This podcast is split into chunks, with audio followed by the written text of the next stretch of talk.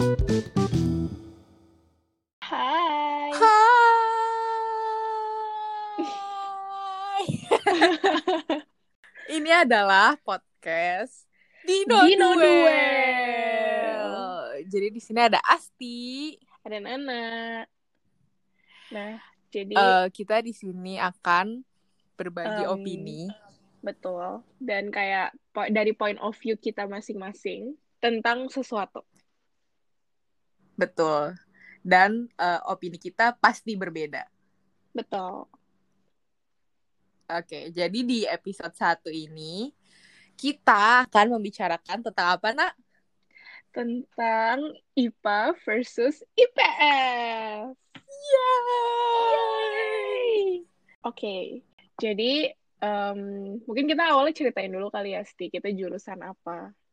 Iya, oke. Dari kamu dulu, Nak. Oke, kalau aku, aku tuh eh, jurusannya ngambil IPS. Dan waktu zaman kita tuh pokoknya udah penjurusan dari kelas 1, dari kelas 1 SMA. Iya, jadi pas kita daf mau lulus SMP, daftar SMA, kita langsung daftar jurusan. Mm-mm, bener, jadi kayak Terus, istilahnya dilihatnya dari SMP gitu kan. iya. Terus aku jurusan IPA. Mm-mm, itu kita udah berbeda. Iya. Nah, eh, kalau kamu, kenapa sih kamu pilih jurusan IPA? Kamu milih kan? Iya. Jadi, kalau aku sangat cetek ya alasannya. Karena dulu, karena dulu, eh sebenarnya emang dari sejak SMP tuh kan sebenarnya udah dapet pelajaran yang kayak ekonomi, geografi, sejarah gitu kan. Udah dipecah gitu IPS-nya. Nah, dari situ sendiri tuh aku ya bodoh aja gitu. Jadi di pelajaran-pelajaran itu kayak aku tidak mampu sampai udah remet, udah dijelasin lagi, tapi aku tetap pas remetnya juga nggak bisa. itu pertama. Terus habis itu eh, pas mau daftar juga, mamaku sangat mendukung aku masuk IPA karena aku sendiri belum tahu ketika lulus SMA itu mau masuk jurusan apa. Karena kan Oh. katanya kalau dari IPA bisa masuk ke semua jurusan kan. Iya, iya. Jadi ya cari aman juga gitu. Hmm. Di samping itu juga eh, kembali ke masa SD dulu. Jadi dulu pas SD kelas berapa ya? Kelas 4 itu ada pelajaran namanya peta buta, Kamu udah nggak? Ada, ada. ya kan? Dan itu bener-bener petanya buta, aku juga buta. Jadi aku pernah pelajaran peta buta itu kayak ada aku nggak tahu itu kayak apa namanya soal ngerjain soal doang atau ulangan tapi aku pernah dapet empat di peta buta itu Bener-bener Jadi sama-sama aku buta ya. menggambarkan Peta dan betapa butanya yang jawab. Oh. ya jadi begitu Jadi jadi kayak emang udah ciong aja ya sama pelajaran IPS gitu. iya udah Iya emang otakku nggak nyampe ke situ. Oke, oke. Oke, kalau kamu gimana nak? Kalau Kenapa aku- kamu milih IPS? Coba Kalau kamu aku- ceritain dulu eh, cerita kamu milih IPS. Jadi sebenarnya cerita aku agak-agak lucu gitu ya. Aku kayak orang yang bukan orang kebanyakan intinya, bukan anak SMP Emang. atau SMA kebanyakan gitu ya. kayak emang aneh gitu. Jadi ceritanya dulu pertama eh, aku sendiri personally itu pengennya jurusannya IPS. Kalau alasannya sebenarnya mirip sama Asti sih. Eh, tapi bukan karena pelajaran aku nggak bisa yang IPA, tapi karena aku nggak suka gitu. Jadi aku lebih Hmm. enjoy belajar yang sebenarnya aku lebih enjoy cuman ekonomi sih. Kalau geografi aku nggak terlalu, tapi sejarah juga aku suka banget gitu. Nah kalau buat Oke. yang IPA sebenarnya kayak eh nilainya biasa-biasa aja, nggak yang bagus banget, nggak yang jelek juga. Tapi aku nggak kayak Mm-mm. otaknya nggak bisa nyampe di fisika sama kimia. Eh, ya, itu Jadi- juga permasalahanku sih sebenarnya. Oh ya gitu. Jadi otakku cuma bisa nyampe di biologi karena aku suka banget biologi juga gitu. Hmm. Nah, terus akhirnya karena mamaku ya orang tuaku lah ya melihat bahwa ternyata nilaiku sebenarnya bagus nih di IPA, di IPS juga bagus gitu kan. Hmm. Eh, akhirnya kayak mereka ya udah masuk IPA aja gitu. Ya menurut aku ya kayaknya semua orang tua pengen anaknya masuk IPA. Ya nggak sih? Iya sih, orang Karena- tua orang tua yang eh generasi Dulu-dulu Saat itu gitu kan. ya. Iya, kayak karena pas ngerasa- youtuber belum terkenal gitu. Oh iya, bener-bener. Karena ngerasa kalau masuk IPA itu lebih aman gitu kan. Kayak Iya kalau misalkan tiba-tiba kita mau ganti kayak passion kita tiba-tiba berubah gitu kan. Pasti kita lebih gampang untuk ngedapetin karena eh, IPA Iya. bisa ke semua jurusan. Akhirnya pada saat pendaftaran aku memutuskan untuk mengikuti kedua orang tuaku untuk kayak oke aku daftar IPA gitu. Jadi pilihan pertama IPA, pilihan kedua baru IPS dan dulu di sekolah kita ada bahasa kan. Jadi pilihan ketiga Iya. baru bahasa. Nah, turns out ternyata padahal tuh pas ujian kayaknya aku udah aku lupa deh ada IPA atau IPS atau enggak tapi seingat aku ada ya nggak sih Sti? kayaknya ada deh pelajaran gitu. yang kayak basic gitu kan Ha, ha, ha. Karena aku inget banget aku ada ujian geografi dan itu aku itu susah banget terus kayak Hmm. ya aku ngerjain ujiannya ya kayak yang bagian IPA kalau nggak salah aku asal-asal atau gimana aku juga agak lupa sih tapi pokoknya sebisa mungkin nggak dapet IPA gitu kan biar dapet IPS Iya. aja tapi ternyata aku Setelah dapet pengumuman, IPA iya.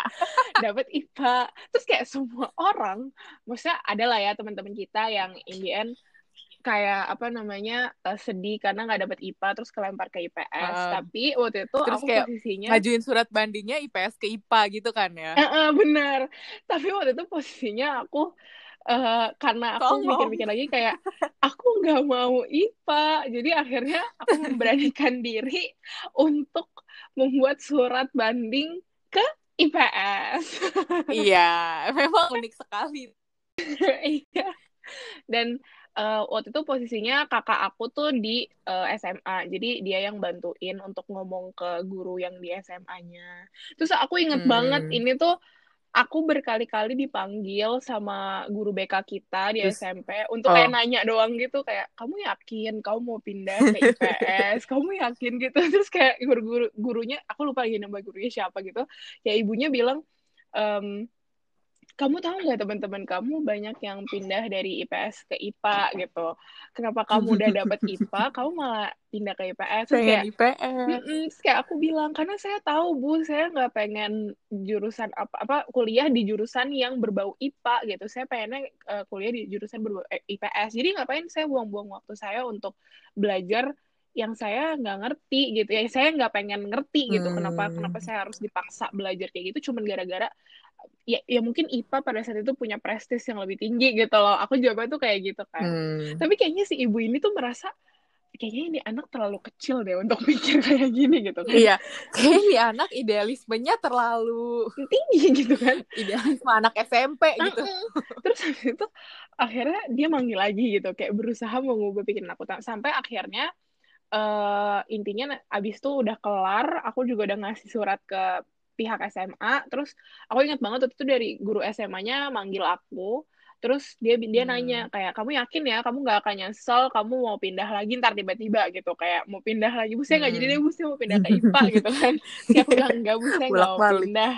Ya udah terus akhirnya karena aku bilang aku ya- yakin nggak akan mau pindah lagi aku dibolehin untuk eh, pindah ke IPS jadi aku Hmm. IPS Itu kamu ada dipanggil sama kepala sekolah gitu nggak sih nggak ya? kepala sekolah enggak sih tapi aku dipanggilnya sama wakil kepala sekolah SMA kalau SMP guru BK Ah. Terus nak setelah kamu masuk IPS, Mm-mm. eh gimana sih di sana vibes-nya dan gimana pandangan anak IPS terhadap anak IPA? Hmm. Em, kalau buat vibes IPS, kayaknya ini sama ke hampir semua sekolah sih menurut aku. Tapi kebetulan Hmm. karena sekolah kita juga homogen, jadi kayak kita sangat dekat satu sama lain dan kayak asik-asiknya tuh bener-bener asik-asik banget gitu. Kayak apa ya, isinya tuh manusia-manusia santuy yang kayak Rada-rada gitu ya. yang kayak gimana ya yang kayak mm, dibilang nggak peduli juga bisa jadi ya. Karena kayak bener-bener kita tuh santai banget yang kalau pelajaran ya ya udah gitu. Ada ada temen aku yang di kelas ya tidur udah ditegur berkali-kali ya tidur terus gitu kan.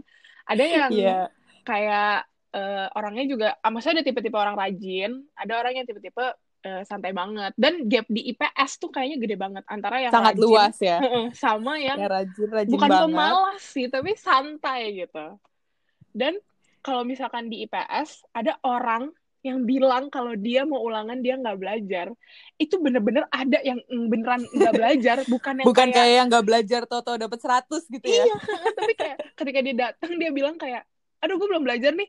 It means ya dia bener-bener belum belajar gitu tapi dulu selain santuy uh, jujur ya -uh, betul tapi dulu um, apa namanya yang membuat aku kayak ngelihat anak IPS tuh maksudnya kayak kayaknya ini tuh pilihan yang tepat gitu loh untuk masuk ke IPS karena aku hmm. ngerasa banget ada kekeluargaan di kelas IPS. Hmm. Karena di kita tuh sering banget ada belajar bareng kan. Belajar barengnya tuh yang kayak random aja. Tiba-tiba kayak eh pulang sekolah nanti mau belajar apa ya akuntansi kayak apa kayak gitu. Mau nggak mau gitu kan. Ada beberapa hmm. orang gitu. Terus ada yang bagian ngajar ada yang bagian kayak bantuin temennya yang bener-bener nggak bisa. Terus habis itu kayak dulu ya kan kita juga bodoh-bodoh di olahraga gitu kan. Terutama aku. Kita tuh waktu mau ujian praktek tuh kita yang kayak ya bareng-bareng uh, pulang sekolah belajar latihan volley, latihan basket, hmm, yang yeah, kayak yeah. kerasa banget kekeluargaannya kalau kita tuh ya pengen semua orang itu lulus. Kita jadi kita kita istilahnya kita masuk sini bareng-bareng, kita lulus juga bareng-bareng dan lulusnya ya dengan integritas gitu. Maksudnya kita ngebantuin hmm. pada saat bukan pada saat ujiannya tapi pada saat uh, belajarnya gitu. Menuju ke ujiannya. Betul.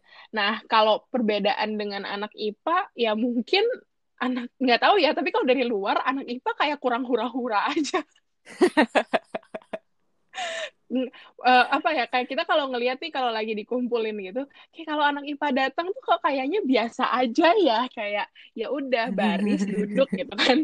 Tapi kalau anak IPS tuh kayak udah ribut sendiri barisannya udah berantakan gitu. Kayak nggak bisa cuma satu gerakan jalan doang mesti kakinya gerak tangannya gerak palanya gerak. Iya iya iya. Kayak mungkin vibesnya lebih serius kali ya karena mungkin kalian juga lebih maksudnya pelajaran kalian kayaknya lebih di atas kita gitu kalau misalkan tentang pelajaran hmm. umumnya ya kayak matematika aja kalian hmm. di, lebih susah daripada kita gitu kan jadi kayaknya hmm. ada ada perbedaan dari sisi vibes kalau anak IPS tuh kayaknya seru-seru santai-santai kalau misalnya emang belum ujian ya ya udah kenapa harus pusing gitu kalau anak IPA tuh kayaknya hmm. aku pusing gitu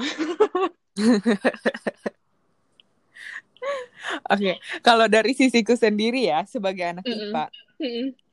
emang iya sih. Uh, pas aku ngeliat anak IPS tuh kayak bener-bener yang santuy banget. Kok bisa sih ada orang sesantai ini gitu kan? Tapi kalau misalnya kayak dari segi kekeluargaannya, mungkin mungkin juga dari masalah jumlah IPS kan di tempat kita lebih dikit ya. Mm -mm. Jadinya kayak lebih gampang untuk deket gitu ya? Ha-ha, lebih gampang bondingnya gitu kan. Iya, jadi iya. jadi kita jelasin dulu karena kayak di sekolah lain tuh IPS lebih banyak deh dari IPA gitu ya? Kayaknya ya. Aku nggak tahu sih. Nah kalau di sekolah kita tuh IPS-nya cuma dua kelas jadi mm-hmm. kayak dua kali tiga puluh berapa ya? Tiga tiga lima kali ya? tiga lima dua kali tiga lima. Nah IPA-nya tuh ada empat kelas.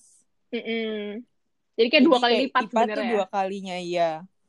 Terus uh, kalau dari segi apa ya cara belajar anak-anaknya mm-hmm. emang terlihat lebih serius sih kalau misalnya mau ada ulangan atau apa gitu. Kayak ya orang beneran belajar gitu.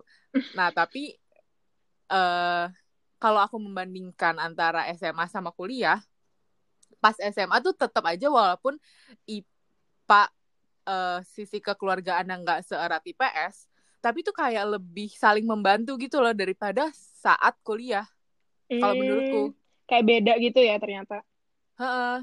jadi tuh kalau kuliah tuh aku merasanya kayak setiap orang punya kepentingan masing-masing hmm. nah kalau hmm. pas SMA itu tuh masih uh, ada kemauan untuk bantuin temennya kalau misalnya temennya ada yang misalnya ketinggalan di salah satu pelajaran dibantuin gitu loh hmm. di samping wali kelasku dua tahun kelas 11 kelas 12 sama dan emang ini yang peduli banget sama kelasnya hmm. jadi kita kayak emang diminta sama wali kelasku untuk saling bantuin gitu loh yang bisa uh, lebih cepat belajar bantuin hmm. yang kurang bisa keep up sama teman-temannya. Terus kalau Hmm. masalah yang apa ya, kayak keanehan-keanehan yang kita lakukan, Mm-mm. kayaknya karena sekolah kita homogen, jadi Mm-mm. sebenarnya semua tuh aneh. kayak kayak ada aja gitu sesuatu yang kita lakukan yang out of the box. Iya sih, itu mungkin- sih. Walaupun kita nggak sesantuy anak IPS, kayak nggak sepecicilan gitu kali ya, nggak sepecicilan anak IPS, tetap aja ada eh, keanehan yang kita lakukan gitu. Kalau dibandingkan sekolah lain, kayak kok bisa sih di sekolah kayak begitu? Iya sih. Itu itu faktor terbesar sekolah homogen kali ya. Iya, karena kita nggak ada yang jaim-jaim, memikat lawan jenis, Mm-mm. naksir kakak kelas gitu tuh nggak ada gitu. Iya sih, itu bener banget sih. Tapi dulu eh, aku pernah eh, masuk ke organisasi waktu SMA dan pasti kan di organisasi isinya nggak cuma anak IPS kan, ada anak bahasa, ada Hmm. anak IPA juga. Nah, eh, waktu aku masuk organisasi itu kebetulan ketua aku tuh anak IPA gitu. Tapi ya pada Hmm. saat kita kerja bareng, kebetulan organisasi aku bukan OSIS yang seri cukup serius lah ya. Organisasi aku Hmm. organisasi radio yang sebenarnya mostly ya lumayan hmm, apa ya kegiatannya nggak yang terlalu gimana banget gitu, yang kayak sebenarnya asik-asikan doang Iya, gitu. iya. Nah, itu tuh em, aku ngeliat teman-teman aku yang anak IPA ya mereka bisa sih kayak maksudnya eh, walaupun mungkin ketika di kelas atau misalkan secara general gitu, secara umum kelihatannya anak IPA tuh lebih serius dibandingkan anak IPS, tapi pada saat kita kerja bareng ternyata enggak sih, porsinya tetap sama gitu, sama-sama bisa Tetap seru, bisa sama-sama nyambung gitu ya. Sama-sama istilahnya isi isi otaknya tuh nggak nggak cuma belajar doang gitu tetap tetap bisa main-main dan lain-lain gitu Kalau menurutku sih ya, eh, kayaknya tuh teman-teman kita banyak yang emang dari sananya udah pinter gitu loh. Mm, mm-mm. Jadi, jadi Walaupun nggak belajar yang belajar. ngoyo banget, tetap bagus nilainya dan tetap bisa eh, ada kegiatan yang lain gitu. Jadi nggak bener-bener cuman belajar doang gitu, Mm, enggak. mm-mm. Iya itu benar sih iya sih benar di, di tempat kita banyak manusia-manusia yang sudah pintar dari lahir Iya, ya, kayak agak menyebalkan gitu ngelihat dia santai-santai nilainya bagus. betul betul Jadi ini ini mematahkan stigma orang-orang terhadap sekolah kita ya. Sebenarnya kan orang-orang tuh kayak berpikir sekolah kita itu isinya anak-anak yang nggak ngerti cara bergaul, bisa Mm-mm, belajar kayak doang serius banget Mm-mm. Iya. Padahal tuh di dalamnya ya ya kita enggak tetap saja anak-anak SMA pada umumnya. betul Cuman kita tuh kayak apa ya, kayak dipagerin kali ya. Jadi kalau mau nakal dalam tanda kutip tuh ya masih di dalam lingkungan yang dibilang aman gitu loh. Hmm, Jadi karena ya kayak kayak isi sekolah kita juga ya homogen gitu Heeh. Oke, terus nak eh, tadi kan kayak yang aku bilang eh, aku milih IPA karena aku nggak tahu pasti pas lulus pas kuliah aku mau ngambil jurusan apa. Mm-mm. Nah, kamu kan sekarang eh, kasih tahu dulu dong jurusannya apa. ya aku jurusannya ilmu ekonomi Ya, di mana nak? IPS banget tuh kan Di mana tuh universitasnya? ya di Depok lah Oke. Ya, jadi jadi di jurusan yang IPS ini men- eh, komposisinya gimana sih antara misalnya anak IPA dengan anak IPS? Mungkin ada anak bahasa juga atau nggak ada?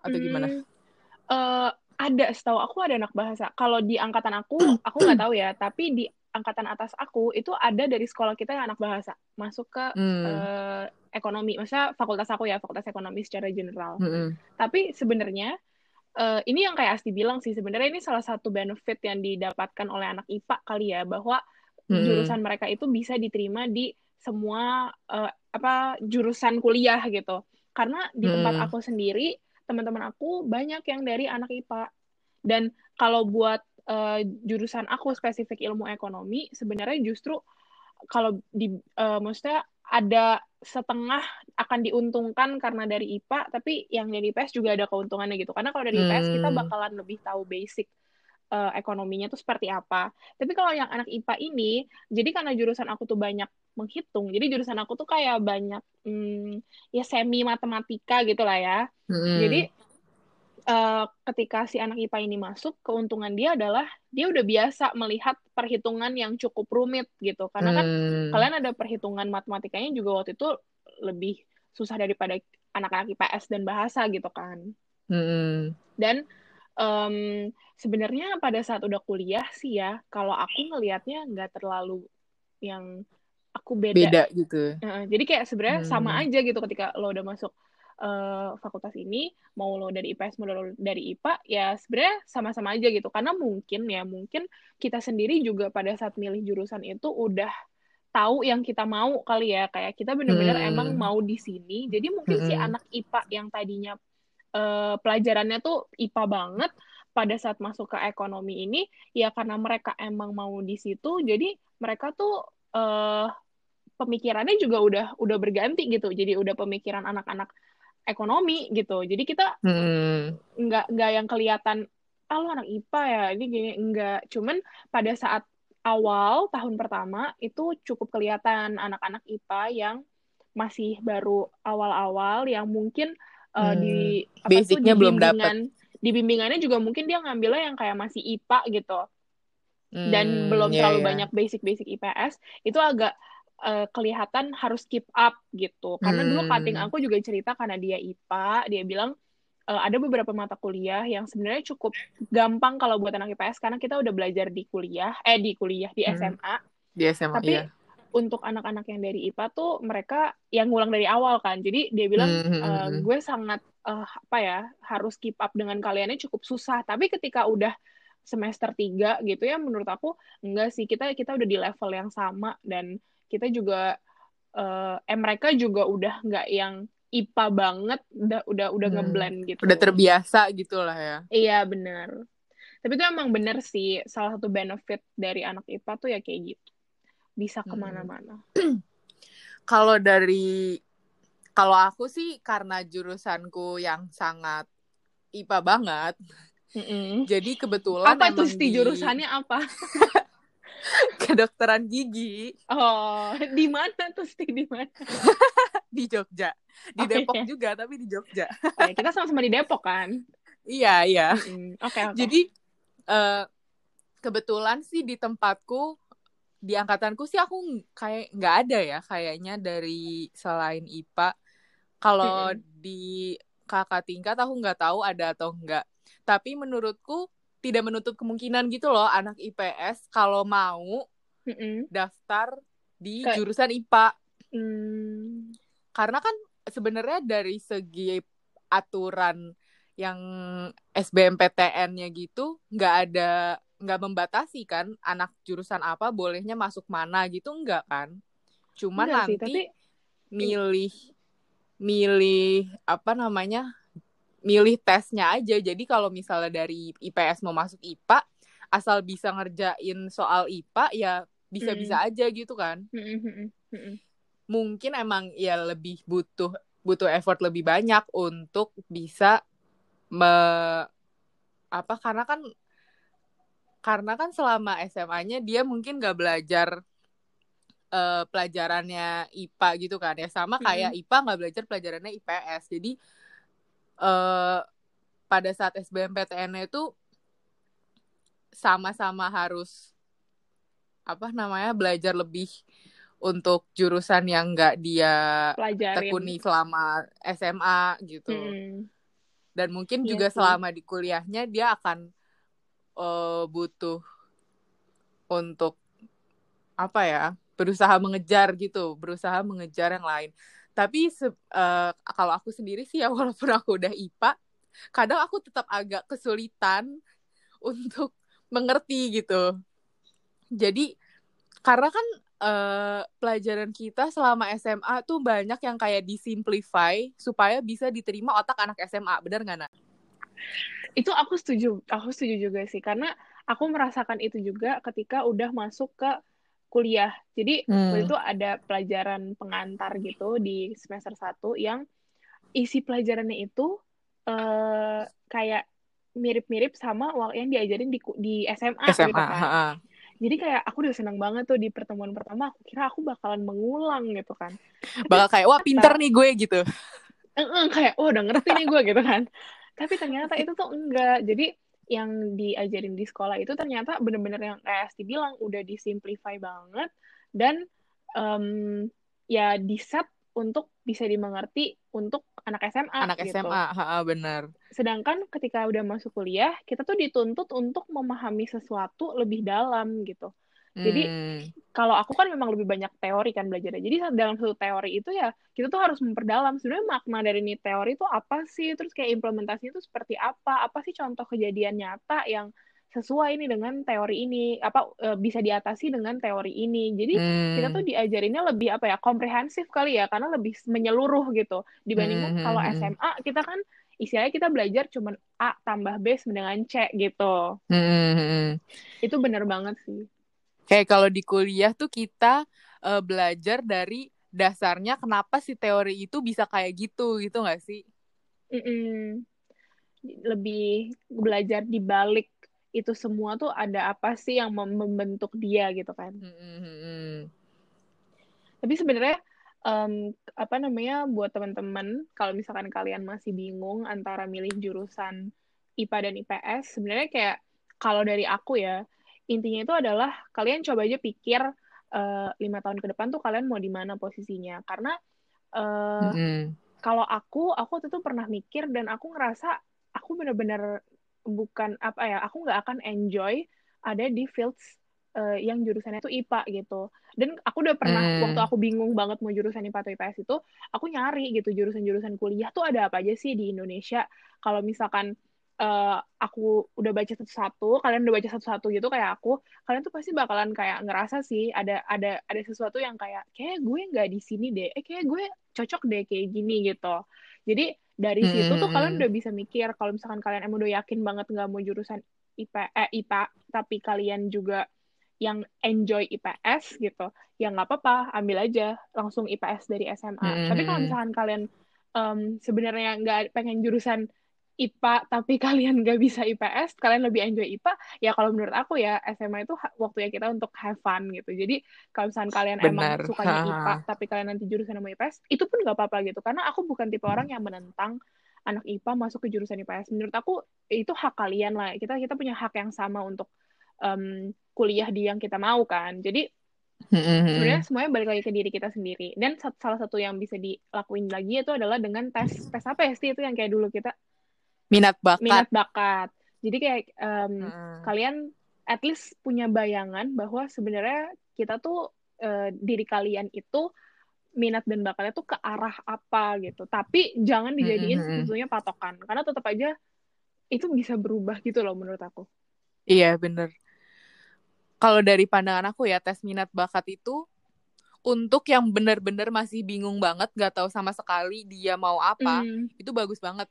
Tapi untuk orang yang sebenarnya udah tahu eh, arahnya, mm-mm. jadi yang dia mau tuh apa, itu jadinya eh, nggak objektif gitu loh jawabannya. Hmm, Karena dari dari ngejawab tes-tes itu kamu bisa nerawang gitu loh istilahnya. Kira-kira kalau aku jawab ini nanti hasilnya apa? oh. Karena aku sendiri dulu merasakan gitu. Hmm, hmm, hmm. Pas tes minat bakatnya kan kebetulan kita dapetnya setelah lulus SMA kan. Pas lagi bimbingan itu kan. Saat itu tuh aku udah tahu banget aku mau masuk ke mana. Mhm. Jadi otomatis ya aku berusaha mengarahkan supaya hasil tes minat bakatnya ke situ gitu loh. Oh, aku agak lupa sih isi tes minat bakatnya tuh kayak gimana. Tapi eh, aku juga akhirnya dapat jurusannya ya jurusan-jurusan yang aku mau gitu. Ya mungkin kayak kamu Nah bilang kali. iya. Jadi kayak kita udah tersugesti gitu loh. Kita mau ke situ. Mhm. Bukan yang kayak mencari bakat kita sebenarnya apa gitu. Hmm, itu benar sih. Terus kalau masalah pilihan jurusan SMA, kalau menurutku eh apa ya, kita jangan terpaku sama stigma orang-orang zaman dulu gitu loh yang kayak wah sebisa mungkin masuk IPA, sebisa mungkin masuk. IPA sampai dulu tuh aku pernah eh, ngeliat gitu loh ada orang yang sampai pindah sekolah untuk Dapat bisa IPA. masuk jurusan IPA. Mhm. Heeh. Kalau kayak gitu tuh apa ya? Kalau kita memaksakan diri uh, kalau pada akhirnya mampu sih nggak apa-apa gitu loh. Cuman kalau misalnya pada akhirnya uh, keteteran gitu kan kasihan di kitanya sendiri gitu loh. Nggak enjoy pas jalaninnya terus nanti berat segala macem. Intinya ya itu aja sih jangan terpengaruh sama stigma itu. Mm. Kayak sekarang tuh semua jurusan bisa ada jalan suksesnya gitu loh iya, istilahnya. Betul, betul. Tuh sih aku setuju juga. Dan kalau misalkan kita masuk IPS, itu nggak berarti kita ya lebih apa ya dalam tanda kutip lebih bodoh daripada anak-anak jurusan IPA bener. gitu. Tapi kan ya balik lagi kita punya passion di mana kita uh, kayak gimana dan pembentukan pola pikir yang dibentuk di IPA dan IPS itu juga beda gitu. Jadi mm-hmm. benar-benar semuanya tuh kembali lagi ke diri kita. Kita mau kita tuh kayak gimana. Jadi kalau misalkan uh, teman-teman masih bingung pokoknya intinya balik lagi kembali ke diri kita ke diri kita lagi ke diri kalian lagi masing-masing bukan ke orang-orang lain atau pandangan uh, orang lain gitu benar iya jadi intinya gitu kayak uh, yang penting kita tahu apa yang kita enjoy apa yang kita mau nantinya biar ketika kita udah harus terjun di dunia pekerjaan juga kita enjoy jalaninnya gitu. Betul. Maksudnya orang yang tadinya enjoy aja, mungkin ketika dijadiin pekerjaan itu jadi nggak se-enjoy itu mm -hmm. karena banyak tekanan. Mm -hmm. Apalagi yang dari awal udah nggak enjoy. Betul. Itu. Ya, jadi begitu uh, opini kita tentang jurusan SMA untuk adik-adik SMP yang mau masuk SMA. Betul. Oh my god. Dan uh, mungkin pengalaman kita juga ngelihat saling apa ya satu sama lain sebagai orang yang beda jurusan. Betul. Kita uh, merangkum ya jadi pembicaraan kita hari ini. Mm -hmm. Kalau misalnya mau milih jurusan itu uh, pokoknya ngikutin aja kemauan dan kemampuan masing-masing mm -hmm. gitu. Karena jalanin sesuatu yang kita enjoy itu akan lebih mudah daripada yang kita tidak enjoy. Mm -hmm. Oke okay, teman-teman, kalau gitu sekian untuk episode pertama kali ini. Uh, sampai ketemu lagi di episode berikutnya. Yay! Dadah! Dadah!